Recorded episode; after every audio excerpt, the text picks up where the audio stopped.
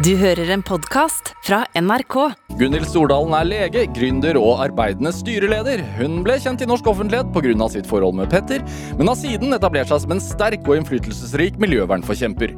I dag er hun leder og grunnlegger av EAT, en ideell organisasjon som arbeider for å forandre det globale systemet for matproduksjon. Dette er Drivkraft med Vegard Larsen i NRK P2. Gunhild Stordalen, velkommen hit. Takk.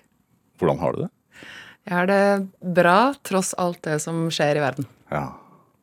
Det er jo som vi alle har det egentlig akkurat nå. Ja. Eller sånn, vi, vi som har det bra.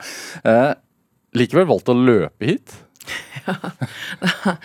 Men, eh, dagen eh, i dag er, er usedvanlig pakka, og den eneste måten jeg kunne få trent meg sjæl og trent bikkja, det var å løpe opp hit. Og jeg hadde jo da håpet at han kunne være med inn, men, eh, men så fikk vi en da et, et godt eh, alternativ med at, at folka dine tok han på tur. Så da ble det vinn-vinn. Ja, det er, Ramstein blir tatt godt vare på, det skal jeg love deg. Ja, jeg tror det, han hadde en liten, det var en liten velkomstkomité nede, og mange som skulle se på han og hilse på han. Men er det altså Det er en klisjé det der at uh, styreledere, i hvert fall arbeidende styreledere som du er, trener hver morgen.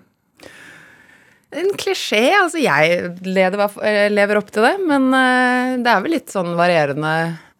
Styreledere er jo som, som andre folk også, vil jeg tro. Mange og store variasjoner. Men, men jeg prøver i hvert fall å, å trene, gjøre noe hver dag. Det er ikke alltid jeg løper, men jeg gjør liksom enten yoga eller eh, styrketrening eh, eller løping, eller to eller tre av de. Ja. Hvor langt er det herfra til Altså hvor langt har du løpt hit?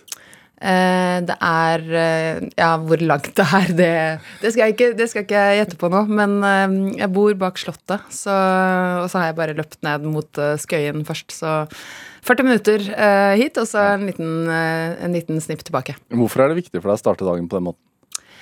Eh, det, er så mye, det er så mye unormalitet i, i livet mitt, sånn at jeg må, jeg må ha noen faste rutiner. Og jeg er et veldig sånn utprega vanemennesker med en god porsjon tvang. Eh, og, og det der å liksom ha Bygge inn de tingene som jeg vet er viktige for meg, som meditasjon, trening, eh, nok søvn, det har jeg på en måte lært opp gjennom årene, da, eh, og særlig de siste årene, at det er helt essensielt for at jeg skal holde koken og klare å levere. Så jeg er ganske jeg, jeg, jeg blir ganske på tuppa hvis jeg ikke jeg liksom får, får gjort de, de tingene.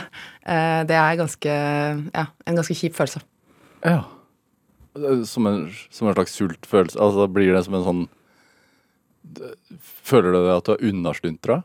Nei, det er mer det at jeg blir fryktelig rastløs og føler meg liksom, jeg føler meg fysisk litt dårlig, da. Og det er også litt på grunn av at jeg har vært, at jeg har vært så sjuk og, og blir lett, har litt, eh, lett litt sånn stivhet i kroppen og sånn, særlig på morgenen.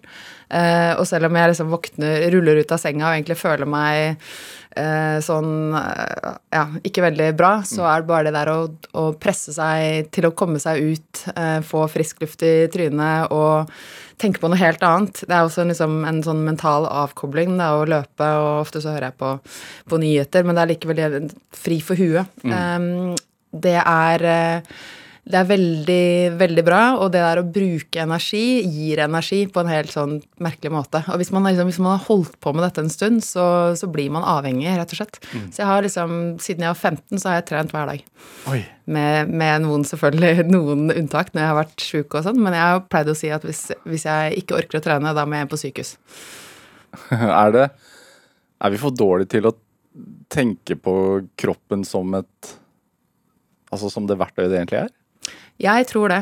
Eh, og det er jo, det er jo det virk, viktigste verktøyet man har, og det er eh, uendelig viktig for god helse. Og jeg har jo lært det at sant, helse er ikke alt, men uten helse så er alt ingenting. Eh, og og den, den forebyggende effekten og den eh, energigivende eh, egenskapen som trening har, det er det ingenting annet som, som kan gi. Mm. Man blir liksom, man blir hekta på de endorfinene, og man føler seg så mye bedre etterpå. Så det er, liksom, det er jo helt et paradoks, egentlig, at det der å bruke energi gir energi, men det er det det gjør. Så, så liksom man sier jo det at hvis du, hvis du klarer, om det, er, om det er 30 eller 70 dager, men altså det er en hvis du klarer å holde det gående og, og trene, trene, hver dag i en, en, god periode, jeg tror det er tre måneder faktisk, eh, så, så, sier man at da er det liksom veldig stor sannsynlighet for at du klarer å opprettholde den, den rutinen, da, fordi du blir hekta. Er du, er du en sånn som setter, som setter deg veldig tydelige mål? det, stiller du det som et spørsmål? Nei, nei egentlig ikke. ja, jeg, jeg er, Men det som ja. bare gjelder alt? Nei, ikke når det gjelder alt. Men jeg, har jo, jeg, er jo, jeg er jo veldig som, som både min eh, mamma og mange, mange, av mine venner sier, jeg er veldig enspora. Jeg, hva, hva, vil det si? Monoman, liksom? Ja, sånn, ja. ja, det har jeg fått å høre både av den ene og den andre. Nei, jeg er monoman, og jeg, jeg er veldig liksom, opptatt av noen ting, og så gir jeg på en måte alt, eh, alt for det. Og, og, livet mitt har jo på en måte vært en serie av mål. Ja. Um, så jeg liker jo liksom Jeg er veldig glad i å sette meg mål, og, og, mener jo at de skal være målene skal være som fjell. De skal være høye og synlige. Og det gir en sånn veldig um, Det gir mye også den, den uh, prosessen med å komme dit, da. Blir du trigga av det? At du veldig. vet at det er oppoverbakke? Ja, veldig. Ja. Jeg liker, jeg, jeg liker, ting som er Altså, hvis, hvis ikke det er noe motstand, hvis ikke det er noe uh, ja, hvis, hvis, det er lett, så blir det kjedelig. Ja. Så når FN kom med sin nye klimarapport her om dagen, så tenkte de sånn Yes, det er utfordringen sin. Nei, altså det, det, vet vi jo fra før. Det er, bare, det er jo bare med Den rapporten nå kommer jo bare med caps lock. det er jo bare at det er med, enda mer alvorlig enn det forskerne har eh, antatt og antydet tidligere. Mm. Um, og det går mye fortere. Og det, vi så jo litt det i sommer, ikke sant. Når det var på 1,1 graders oppvarming, eh, så sto jo verden bokstavelig talt i brann. Det var liksom temperaturer opp mot eh, 50 grader. Altså det var 48,8 grader på Sardinia. Mm.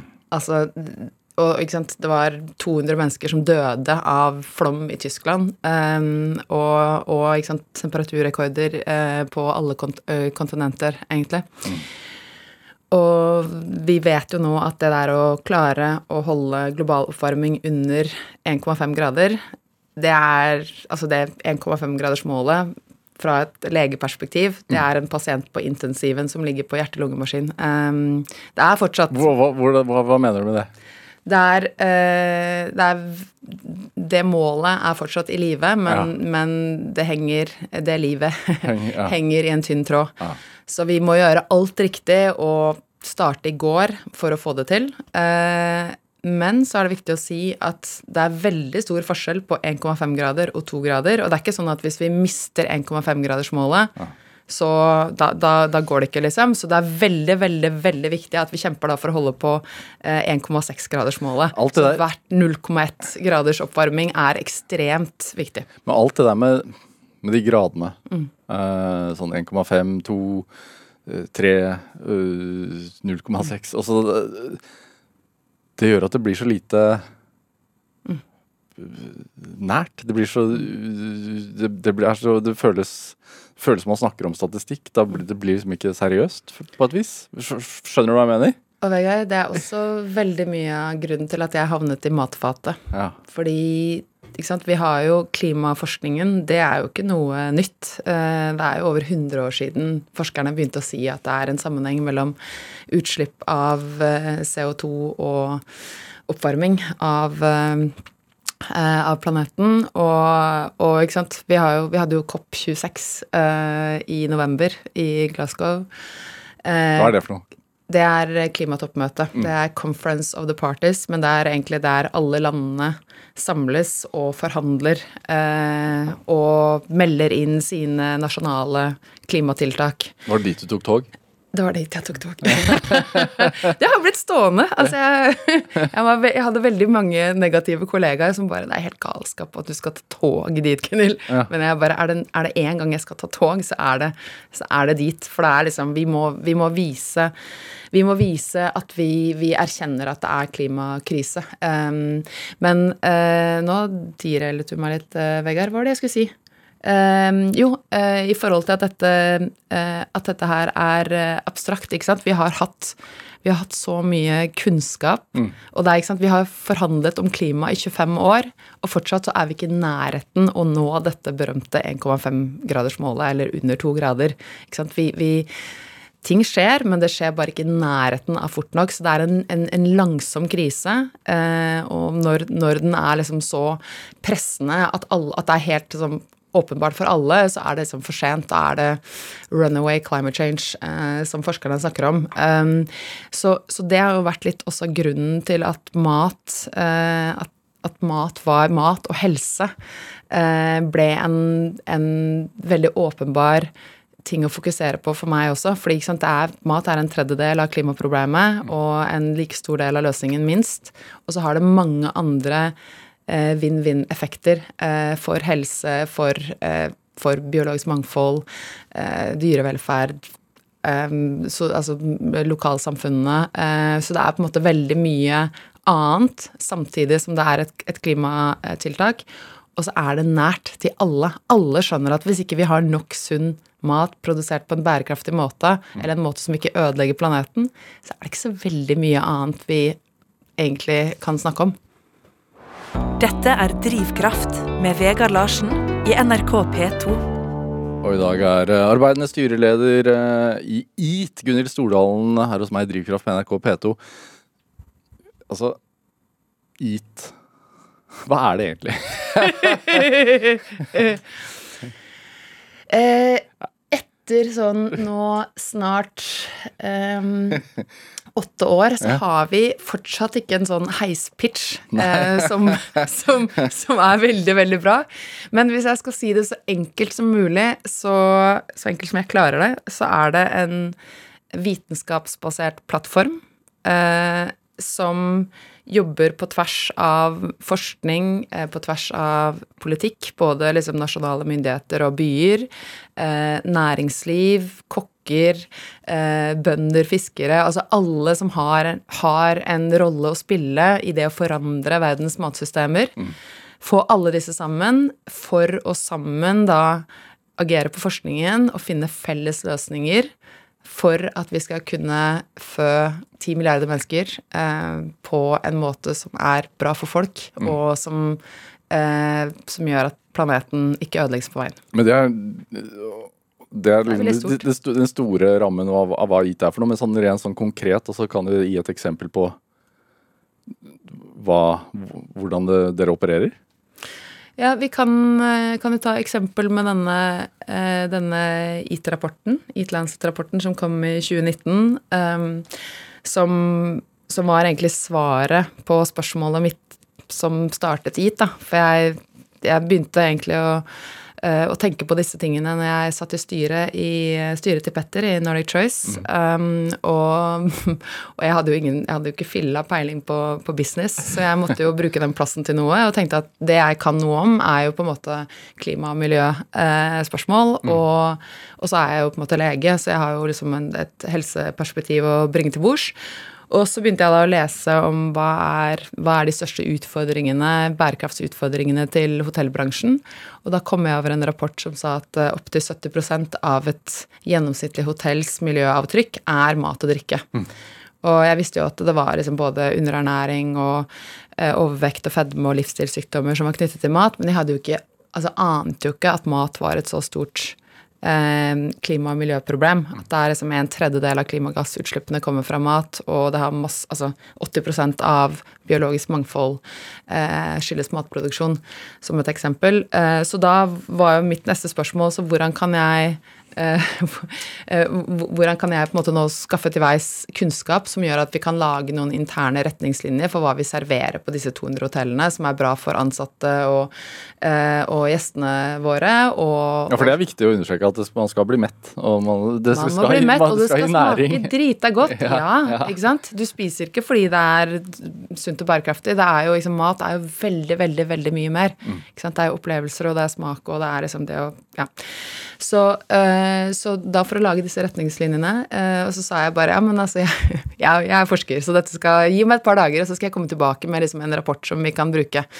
Men da var det jo ingen svar. Eh, og dette var liksom 2011-2012. Altså du fikk ikke noe fasit på hva man, hva man kunne servere? Ingenting. Nei. Ikke sant? Så da, det var mange rapporter. Det var rapporter på helse og, eh, og ernæring. Det var, det var, noen få rapporter på matproduksjon og liksom klima- og miljøpåvirkning, men det var ingenting som så på sammenhengene. Hvorfor det? Nei, hvorfor det? Vi har, vi har tenkt i siloer, eh, Vegard. Vi har operert i siloer. Vi har ikke, liksom, vi har ikke sett det store bildet. Eh, og det som, er, liksom, det som er det fantastiske med mat, er at mat er i hjertet av verdens aller største utfordringer. Mm. Men siden det er liksom årsaken til problemene i dag, så er det også nøkkelen til å løse de, da. Så jeg pleier å si at mat, hvis vi får det rett på mat, så kan mat være vår aller viktigste og mest kraftfulle forebyggende medisin for både mennesker og planet. Og hjelpe oss for å få det samarbeidet vi trenger for å nå bærekraftsmålene til FN og klimaavtalen fra Paris. Ja. Men da når jeg, liksom, når jeg begynte å, å, Eller når jeg ramla opp i alle matproblemene, så var sant, det var ingen IT-rapport.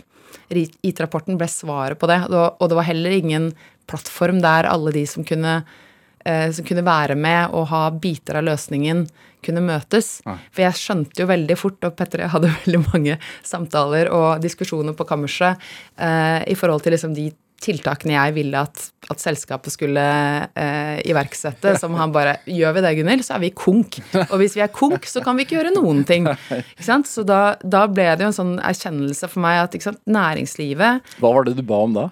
Nei, det var mye. Det var, fra energieffektiviseringstiltak til at vi skulle bare kjøpe økologiske egg og kjøtt fra frittgående okser og whatnot. Ja, jeg hadde en lang liste. men, men, det som, er, som, var en viktig erkjennelse, er at sant, så lenge ikke myndighetene legger til rette og støtter også eh, og legger liksom rammeverket for privat sektor, hvis du går konk, så har du ingen påvirkning. Og det var jo det også Petter sa, at vi må jo, liksom, vi må jo holde selskapet i live for å kunne ha en positiv påvirkning på, på, samfunnet. Så jeg skjønte jo at her er det, ikke, det er ikke bare business, vi må ha med oss politikerne. Og de må på en måte, myndighetene må begynne å være myndigheter. Og det, det, det viktigste jeg lærte på doktorgradsprogrammet, det var at forskninga aleine, det forandrer ikke verden. Så jeg skjønte at liksom, her, må vi, her må vi ha forskning, vi må ha business, vi må ha eh, politikere, og vi må, liksom, vi må finne felles løsninger. Ja, Må begynne på toppen, ja. og grasrota må, ja. må, ville at de på toppen skal forandre seg. Ja. Men er det, når du sier sånn som at uh, i dag f.eks. så har du et pakka program. Mm. Hva, hva, hva, er, hvordan er en vanlig arbeid, arbeidsdag for, for, for, deg i IT og, og med hvordan ser den ut? Det er ikke så mye normalitet. Jeg vet ikke liksom om jeg kan si en vanlig arbeidsdag. Det varierer veldig, som er egentlig helt fantastisk, og et privilegium, vil jeg si. Eh, men i dag så er det en, ja, er det en, serie, eh, en serieorgasme med møter på Zoom og Teams og Hva, hva kalte du det? jeg vet ikke om jeg skal gjenta det. du, får, du får lytte gjennom på, på eh, podkastversjonen. det var et Muggerud-uttrykk som hoppet ut, eh, merk det. Ja. Men hvor Altså Men hvem skal du møte, da? Altså, eller hvem er det du skal ha Teams-møte med? Er det folka i EAT, eller er det altså eh, det er flest eksterne møter i dag. Ja. Eh, blant annet så skal vi ha møte med noe som heter World Business Council for Sustainable Development. Eh, for det vi, det vi holder på med nå, der EAT egentlig er en, en, viktig, eller en av de viktigste pådriverne, er å få opp en Få den globale dugnaden for å fikse verden gjennom eh, å endre matsystemet. Eh, vi hadde jo det første toppmøtet eh, på matsystemer i september, som FN arrangerte, og der IT og jeg ledet på ett av fem hovedtemaer, eller handlingsspor, som er det beste norske uttrykket vi kan komme på. Um, og veldig mye bra kom ut av det, det toppmøtet, annet at 100 over 120 land har nå begynt å lage sånne nasjonale strategier for å fikse mat. Mm. For i dag så, så er det Må det begynne, og så må det starte på nasjonalt nivå? Uh, nei, det, det, trenger ikke å starte på nasjonalt nivå, men det er der det må skje. Mm. Eh, fordi hvis ikke vi får regjeringer til å begynne å endre politikken, eh, sånn at liksom alt fra landbrukssubsidier eller landbruksstøtte til offentlig innkjøp, til skatter og insentiver og alt opp til kost, de nasjonale kostholdsrådene Hvis ikke alt dette henger sammen, så har vi ikke sjans. Og ikke sant? i dag så spriker det som Det er som å bære staur som spriker i alle retninger. Eh, som om det var Per Borten eller hvem som sa det. Men eh, så, så, dette er jo et resultat at man har sittet og sett eh, på mat som i, i Altså som bits and pieces. At det har vært liksom mat og ernæring her, mat og liksom eh, ja, distriktspolitikk der, eh, mat og klima, det begynner man å se nå. Så skal man klare å få mange, levere på mange mål samtidig, så må man ha, tenke helhet, og man må, ha, man må gjøre alt dette på, på grunnlag av den beste vitenskapen. Men så må man lage da politikk som henger sammen. Og i dag, ikke sant, så veldig, veldig mye begynner å skje. Det har jo liksom blitt en, en enorm oppvåkning siden EAT startet i, i 2013 og 20, uh, i 2013 og hadde det første forumet i 2014. Eh, men og landene nå skjønner mm. Bortsett fra Norge, eh, by the way. Men landene nå begynner å skjønne at her, dette må vi virkelig få orden på. Og vi, vi begynner arbeidet med sånne strategier. Eh, og det vil da igjen sant, gjøre at næringslivet kan tjene enda mer penger enda fortere på å gjøre de rette tingene. Det som er bærekraftig og bra for folk og bra for bønder og bra for planeten, liksom. Mm. Så, så, så vi, kan, vi, kommer ikke utenom at myndighetene må være myndigheter. Hva er det, hva er det de ikke skjønner her hjemme, da? Eh, Norge engasjerte seg veldig i dette toppmøtet under den forrige regjeringa og var liksom eh, inne i, i handlingssporet, flere av handlingssporene og bidro med, bidro med penger både til, til eh, toppmøtet i seg selv, men også EATs arbeid inn i toppmøtet. Men så, da når vi fikk regjeringsbytte, så ble disse, denne dette arbeidet med å lage en sånn Starte og utarbeide en sånn helhetlig strategi, det ble parkert. Så jeg har ikke fått noen gode svar fra Sandra Borch og, og regjeringa hvorfor denne planen ikke er på trappene. Men eh, den kommer til å måtte komme, Vegard. Om det er ett mål eh, her hjemme, så er det at regjeringa må må ta seg selv i nakken og, og, lage en sånn plan. For det er ingen annen Altså det er ikke noe annet som gir mening. Eh, og det er den eneste måten eh, vi kan få det rett på. Ja. Og ikke sant, i dag så er det sånn det er, det er to gårdsbruk som legges ned hver eneste dag. Eh, bøndene de tjener liksom en tredjedel av en normal arbeidstaker. Samtidig som det å produsere kvalitetsmat til befolkningen altså på en måte som, som eh, bidrar til klima- og miljømål og med god dyrevelferd. Altså hva er viktigere? Ja. Så vi er nødt til å liksom vi, vi, trenger en landbruksrevolusjon og en helhetlig strategi. Ja, er, ikke, er ikke Sandra Borch her da, for å, for, å, for å, svare på utfordringen, men dere får ta det i Dagsnytt 18 en gang? Ja, jeg har akkurat vært i Dagsnytt 18. og skal møte henne til debatt igjen snart. Så vi, vi gir oss ikke på dette. Men så det, det du egentlig sier, er at IT driver informasjonsarbeid og påvirkningsarbeid? Vi, vi, gjør det. Vi, vi, vi, genererer jo liksom ny kunnskap gjennom Vi setter opp en ny sånn Eat Lancet-rapport eh, nå, som kommer i 2024. Mm. Og vi, vi, vi, jobber med da samarbeidet med alle, alle, mulige aktører for å få kunnskap ut i handling. Eh, og handling på nasjonalt og lokalt nivå. Vi jobber masse med byer. Vi, vi har et samarbeid med det vi kaller C40-bynettverket, eh, som eh, Mike Bloomberg i New York har startet. Eh, og vi, altså vi jobber med FN-organisasjoner, vi jobber med privat næringslivs men har du, altså du sier at det har skjedd endringer siden 2013, siden det starta. Men har, hva, altså, har det skjedd en faktisk, altså, har du noe faktisk eksempel på en endring? Masse. Det har skjedd en enorm endring. Altså det, det, enkleste er jo å se liksom hva som har skjedd siden man eh, Altså å gå i butikken i 2013 eh, og se på vegetarutvalget i hyllene eh, eh, versus det det er i dag. Det har jo, det, det har jo eksplodert. Eh, og nå disse alternative kjøtt, øh, kjøttproduktene, f.eks. Øh, de, det er jo nå den eh, raskeste, raskest voksende um, segmentet i, i mat... i matfat, holdt jeg på å si, mm. i, i, retail i, i, USA. Så det eksploderer, går helt through the roof. Uh, og, og, så har det jo liksom vært mange, altså mange andre konkrete store ting. Uh, F.eks. har 14 av 14 store byer rundt om i verden, uh, inkludert de skandinaviske hovedstedene, har nå forpliktet seg til å, til å implementere målene fra den første IT-rapporten innen 2030. Eh, EU sin Farm to Fork-strategi baseres på denne rapporten. Eh, og det er liksom Ja, det er land som Danmark har nå oppdatert kostholdsrådene sine eh, basert på, på rapporten. Har satt, har satt, seg som første land i verden satt seg konkrete bindende mål i forhold til eh, utslipp for landbrukssektoren.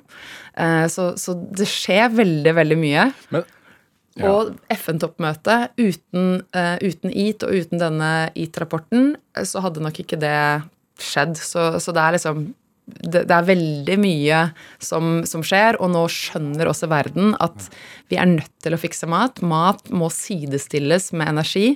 Det er egentlig, For å, for å klare å avverge de verste konsekvensene av klimakrisa, så er det egentlig omstillingen til fornybar energi, og det er omstillingen til sunne, bærekraftige og rettferdige matsystemer.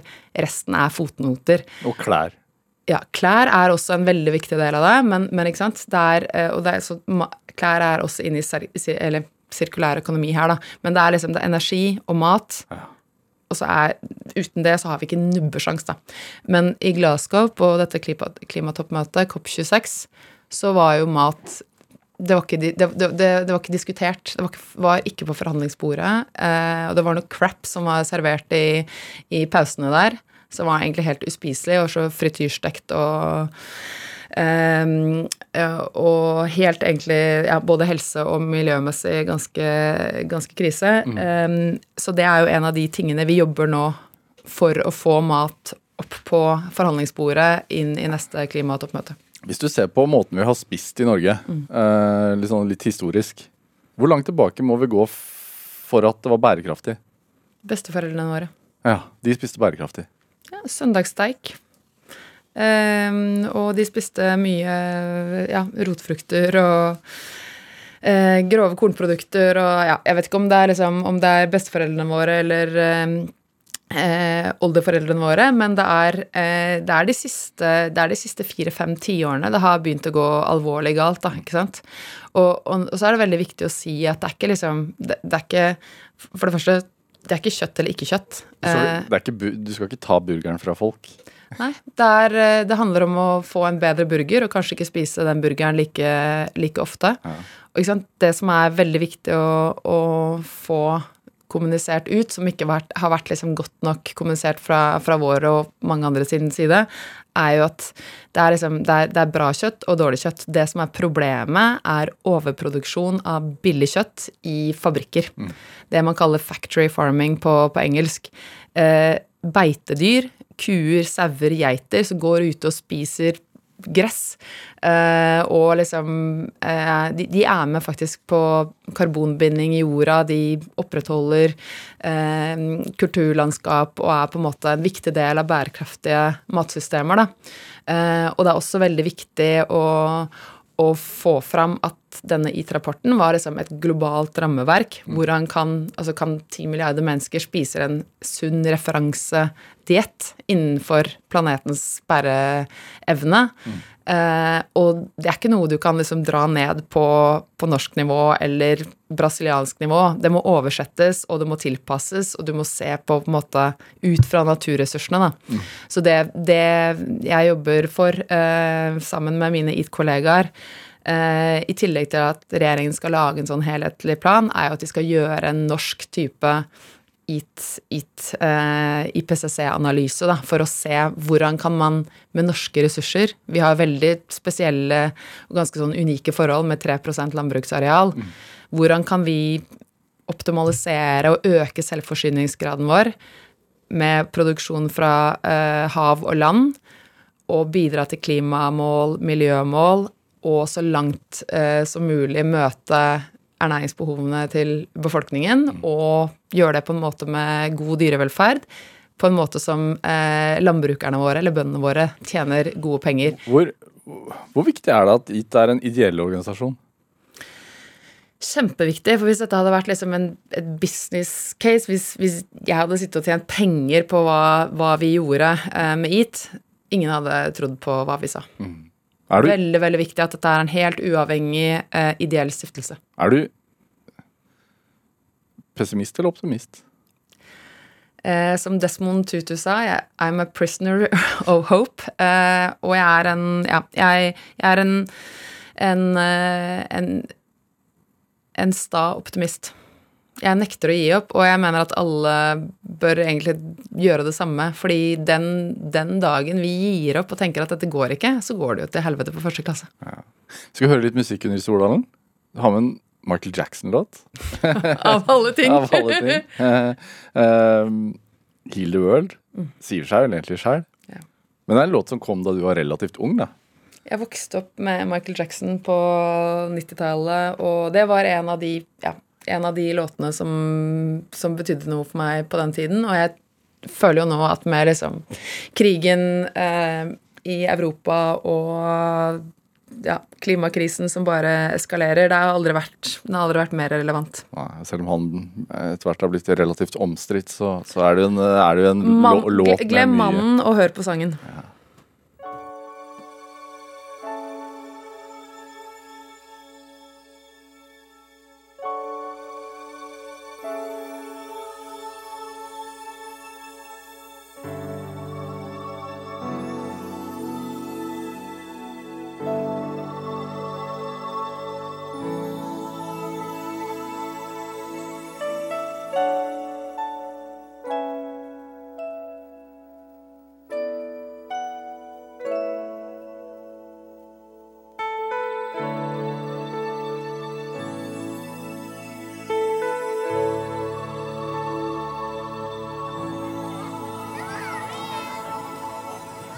About um, the generations and to say we want to make it a better place for our children and our children's children so that they they they they know it's a better world for them and think if they can make it a better place.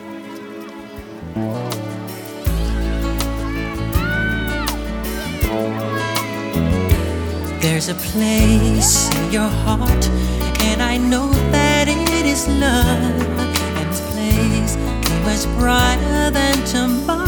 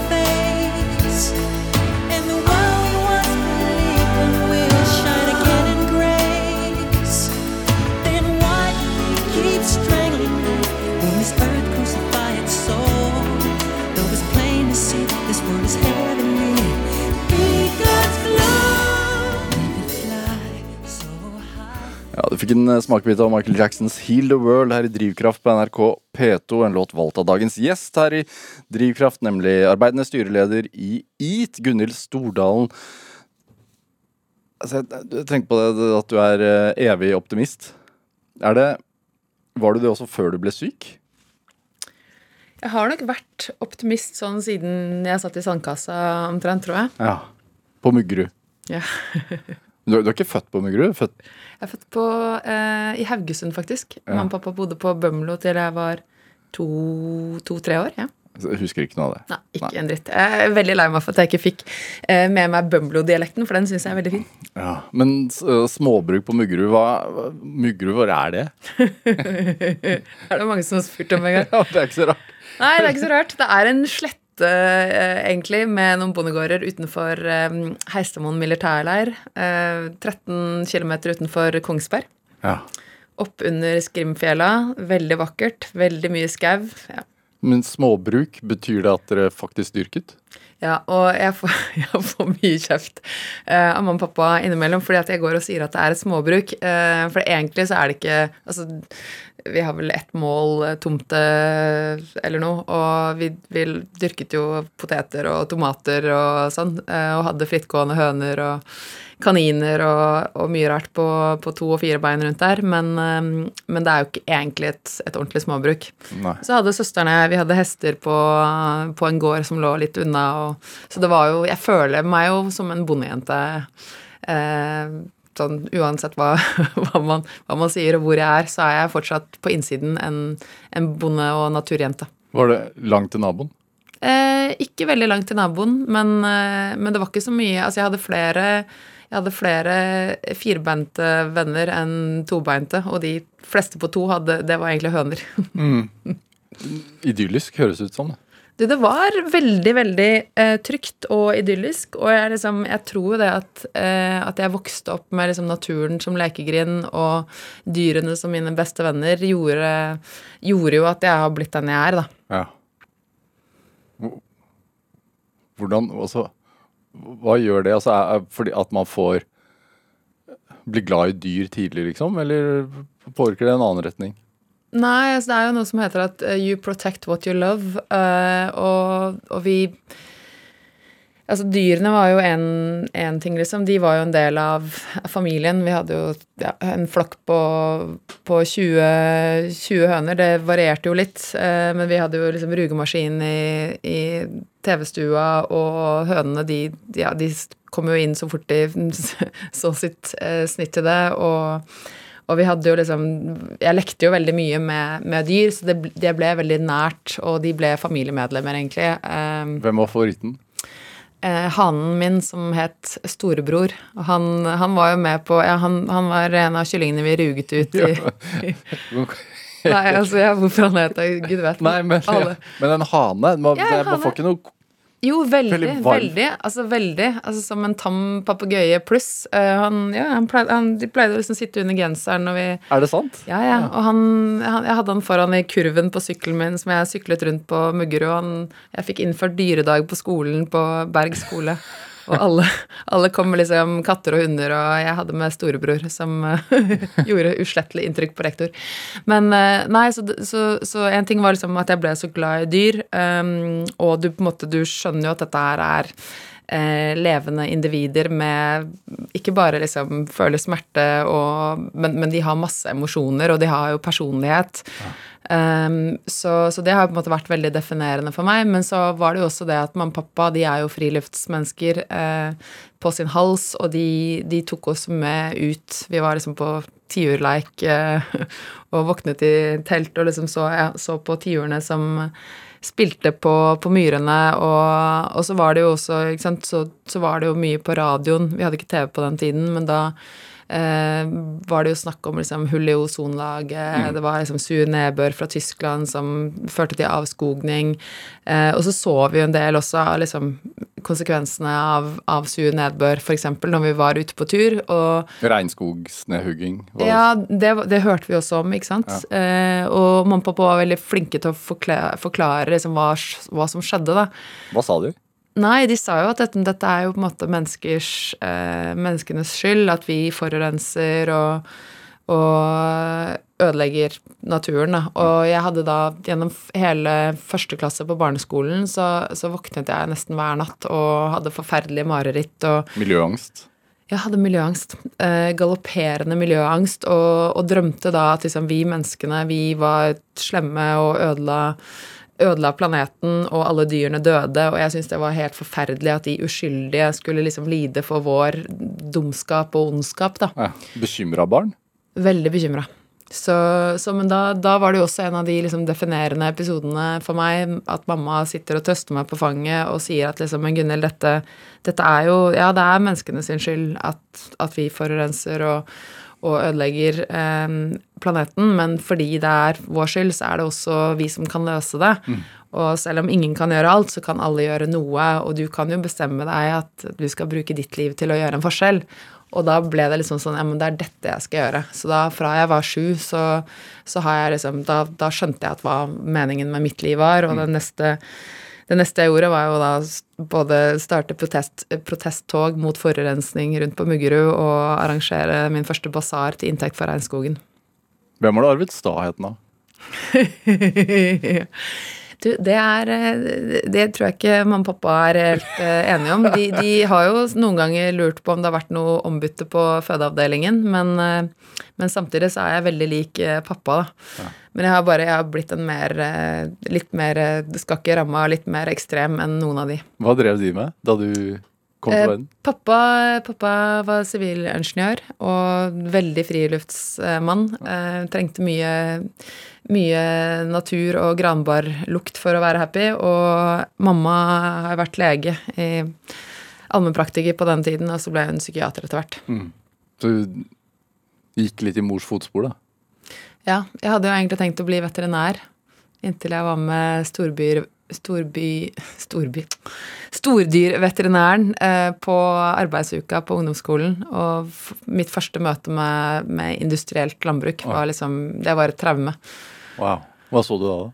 Nei, jeg kom jo inn med en naiv forestilling om at dyrlegen var dyredoktor, og tenkte på på en måte dyrenes eh, ve og vel. Og så kom jeg jo da og fikk være med på ja, kupere grisehaler og en del av de eh, ganske eh, etisk problematiske tingene man gjør da, i industrielt dyrehold, mm. eh, som overhodet ikke egentlig var for dyrenes eh, beste, men som, var, som, handlet egentlig om industriell matproduksjon. Da. Så jeg bare kjente at dette her, det, dette kan jeg ikke drive med. Jeg må, jeg må finne en annen måte å, å, snakke opp for dyrevelferd og, og dyrehelse, eh, og ikke minst miljøproblemene. Mm. Har, du, har, du, vært medlem av sånn Greenpeace og Bellona og sånn opp igjennom? Jeg har vært medlem i Blekkulf og Natur, natur og Ungdom. Nei, Natur og Ungdom. Eh, Naturvernforbundet.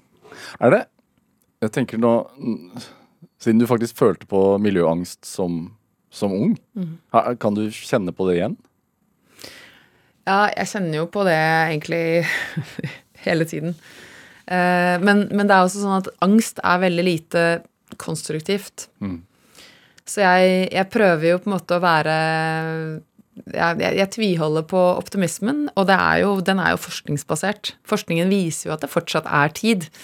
Og det er, det, er, nyanser her av, av ekstremer. Det er spørsmål om hvor, hvor, ille Hvor langt lar vi det gå før, før vi tar tak? Mm. Og menneskeheten eh, jeg, jeg, tror jo for, for, det første at det finnes noe godt i alle. Eh, I hvert fall de aller fleste. Um, og hvis man, får, hvis man, får, muligheten og ser at det, at det går, så, så, vil de aller fleste velge å være på rett side av historien. Mm. Så denne dugnadsmodellen jeg har på en måte, det, det, er jo det jeg har brukt de siste, det siste tiåret på å eksportere egentlig til, til, verden, og det er jo det EAT er, handler om. da, ikke sant, Å få i gang denne dugnaden.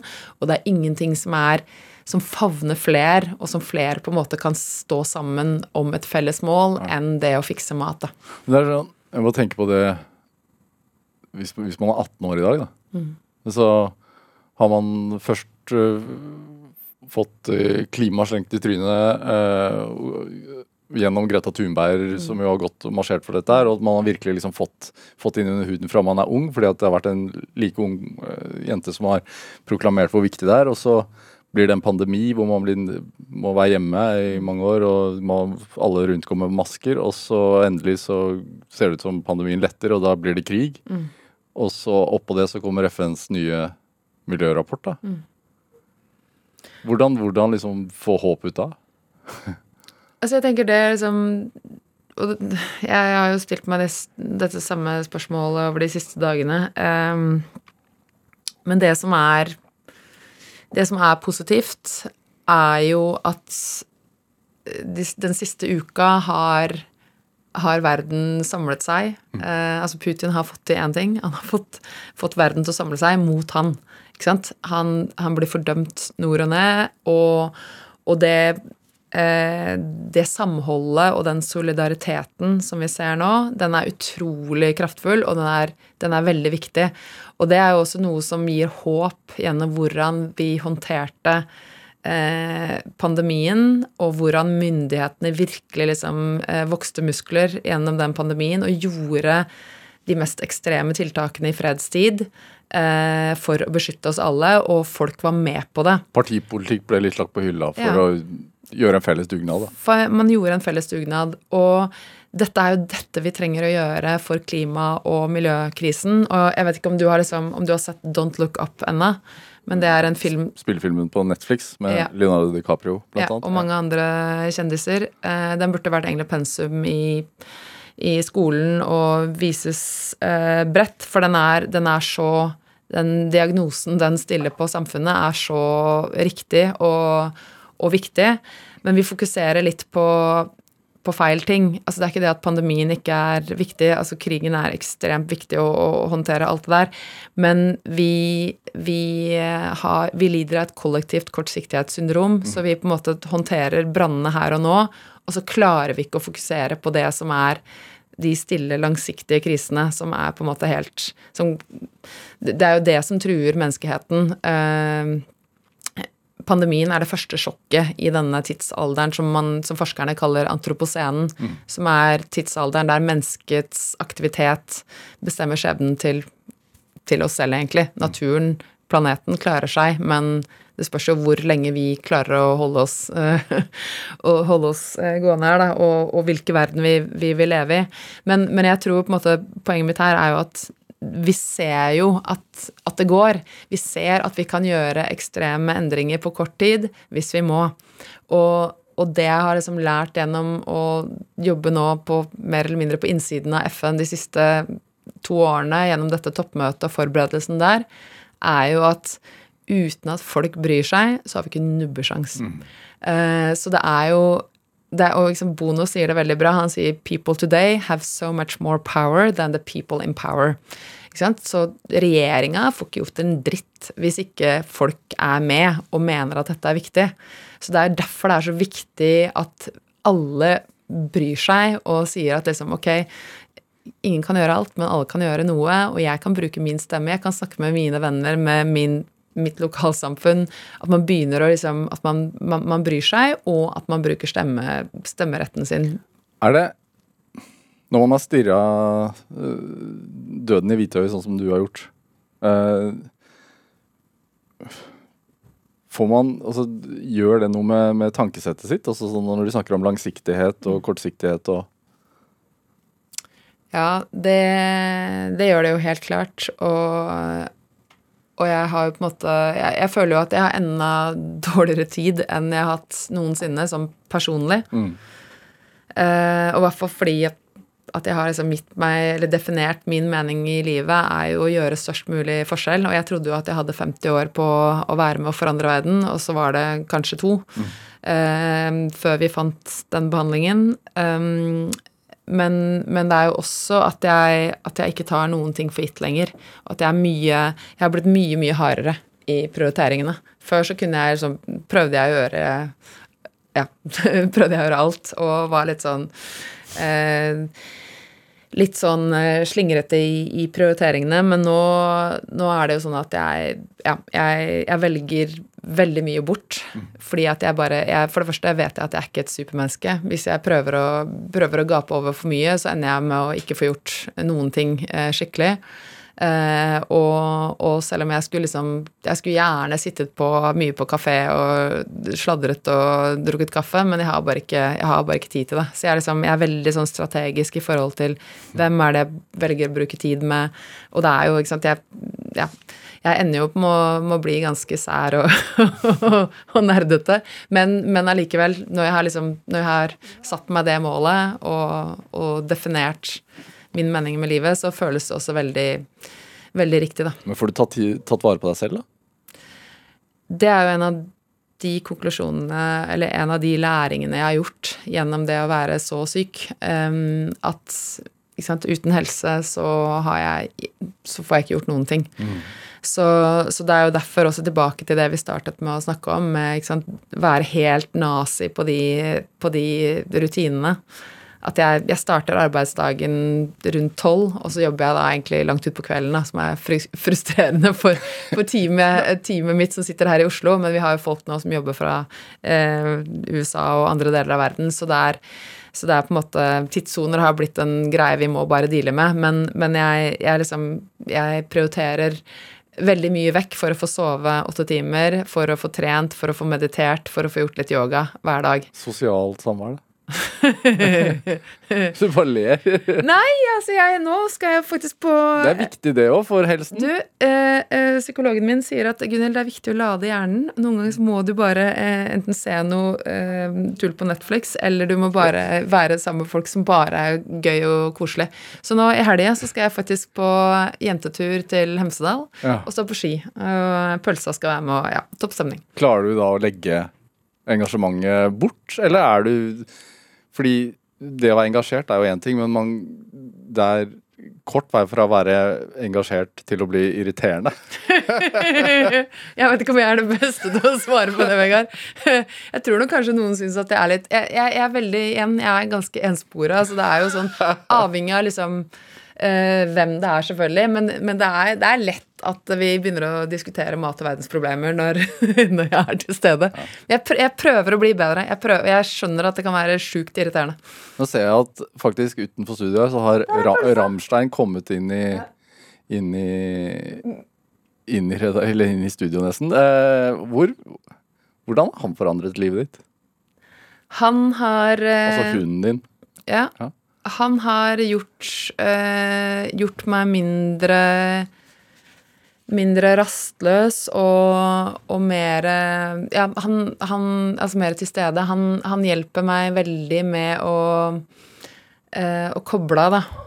Og han er, han er jo Han er en fantastisk type. Veldig lett å være sammen med. eh, og, og, så er det jo liksom Jeg, jeg definerer jo fem, eh, fem, grunnpilarer for god helse, som er, eh, som er spise, sove, altså mindfulness eller meditasjon, stressmestring, eh, trening, og så er det berøring og, og kjærlighet, mm. som er liksom Hvis du får det rett på de fem, så er det veldig, veldig mye eh, sykdom og uhelse vi hadde sluppet å, å bli rammet av, da.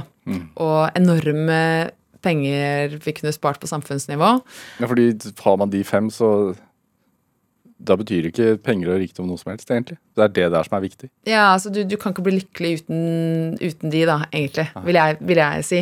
Uh, så, så, det er på en måte den altså det, det visste, Jeg skjønte ikke jeg når jeg var 20, og det er jo ikke sånn man Altså, leger kan jo ingenting om disse tingene, dessverre. Um, og det, og det her trenger Hvorfor ikke det?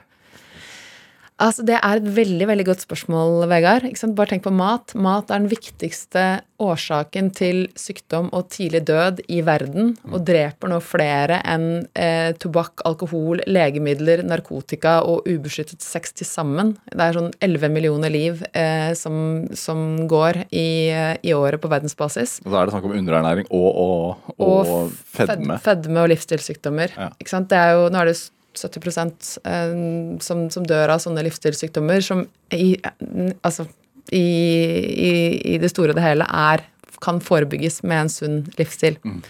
Så business-caset for å holde folk utenfor sykehuset er ikke der. Det er ingen som tjener penger på at pasienten ikke møter opp på døra. Og liksom som lege så ble jo vi, vi Jeg er jo trent også til å skrive sovemedisiner hvis ikke folk får sove. Eh, smertestillende hvis folk har vondt i, i, vondt i ryggen. Mm. ikke sant? Istedenfor å tenke på hva er det som er faktisk årsaken til at du ikke får sove, eller at du har liksom diffuse smerter her og der. Så det er den derre reaktive eh, responsen i samfunnet, og hele liksom, samfunnet er bygget opp på å fikse problemene når de oppstår, istedenfor å unngå at de skjer i utgangspunktet. Så mitt favorittsitat eh, fra Einstein av alle ting er 'Intellectuals solve problems, geniuses prevent them'. Og det er jo det er veldig mye i det sitatet at hvis du kan, liksom, hvis du kan unngå at ting skjer, ja. det er jo det smarteste av alt. Unngå lidelse, unngå skader, problemer. Og der, ikke sant, mat er medisin for mennesker og for planet. Og hvis du får liksom, hvis du tenker system også på individnivå, hode og kropp, det henger så tett sammen. Altså, når jeg var på medisin, så var det jo liksom Det er jo lenge siden nå, men, men da var det altså Psykiatri var i øvre etasjen, og så var liksom somatikken, eh, kroppen, mm. det, det, var liksom Det henger ikke sammen. Eh, og nå skjønner man jo at liksom, sammenhengen av tarmflora, bakteriene, påvirker mental helse i kjempestor grad. Mm. Altså det, det, alt henger sammen, alt som Gro Harlem Brundtland sa for lenge siden. Uh, så, så, det er på en måte en revolusjon som er på vei her også, som må, kommer til å presse seg fram. Mm. Fordi det er jo sånn helsevesener over Helsevesenet i mange land nå uh, trues jo med å gå konkurs pga. diabetes. Eh, komplikasjoner og fedme og livsstilsrelaterte sykdommer. Mye, det er mye å ta tak i. Men det er løsninger, og Og hva er drivkraften? Drivkraften er at vi faktisk, eh, hvis vi jobber sammen, eh, agerer på forskningen, så kan vi faktisk fikse dette. Tenk så fantastisk. Vi kan skape en bedre, mer bærekraftig, mer rettferdig verden for alle. Og det er fullt mulig i teorien, så vi må bare liksom rulle opp, eh, brette opp ermene og gjøre det. Gunhild Stordalen, tusen takk for at du kom til Drivkraft. Takk. Hør flere samtaler i Drivkraft på nrk.no eller i appen NRK Radio. Produsent i dag var Heidi Andersen. Julia Martincic gjorde research, Hanne Sofie Stang bidro også til denne sendingen. Jeg heter Vegard Larsen. Vi høres. Du har hørt en podkast fra NRK. De nyeste episodene hører du først i appen NRK Radio.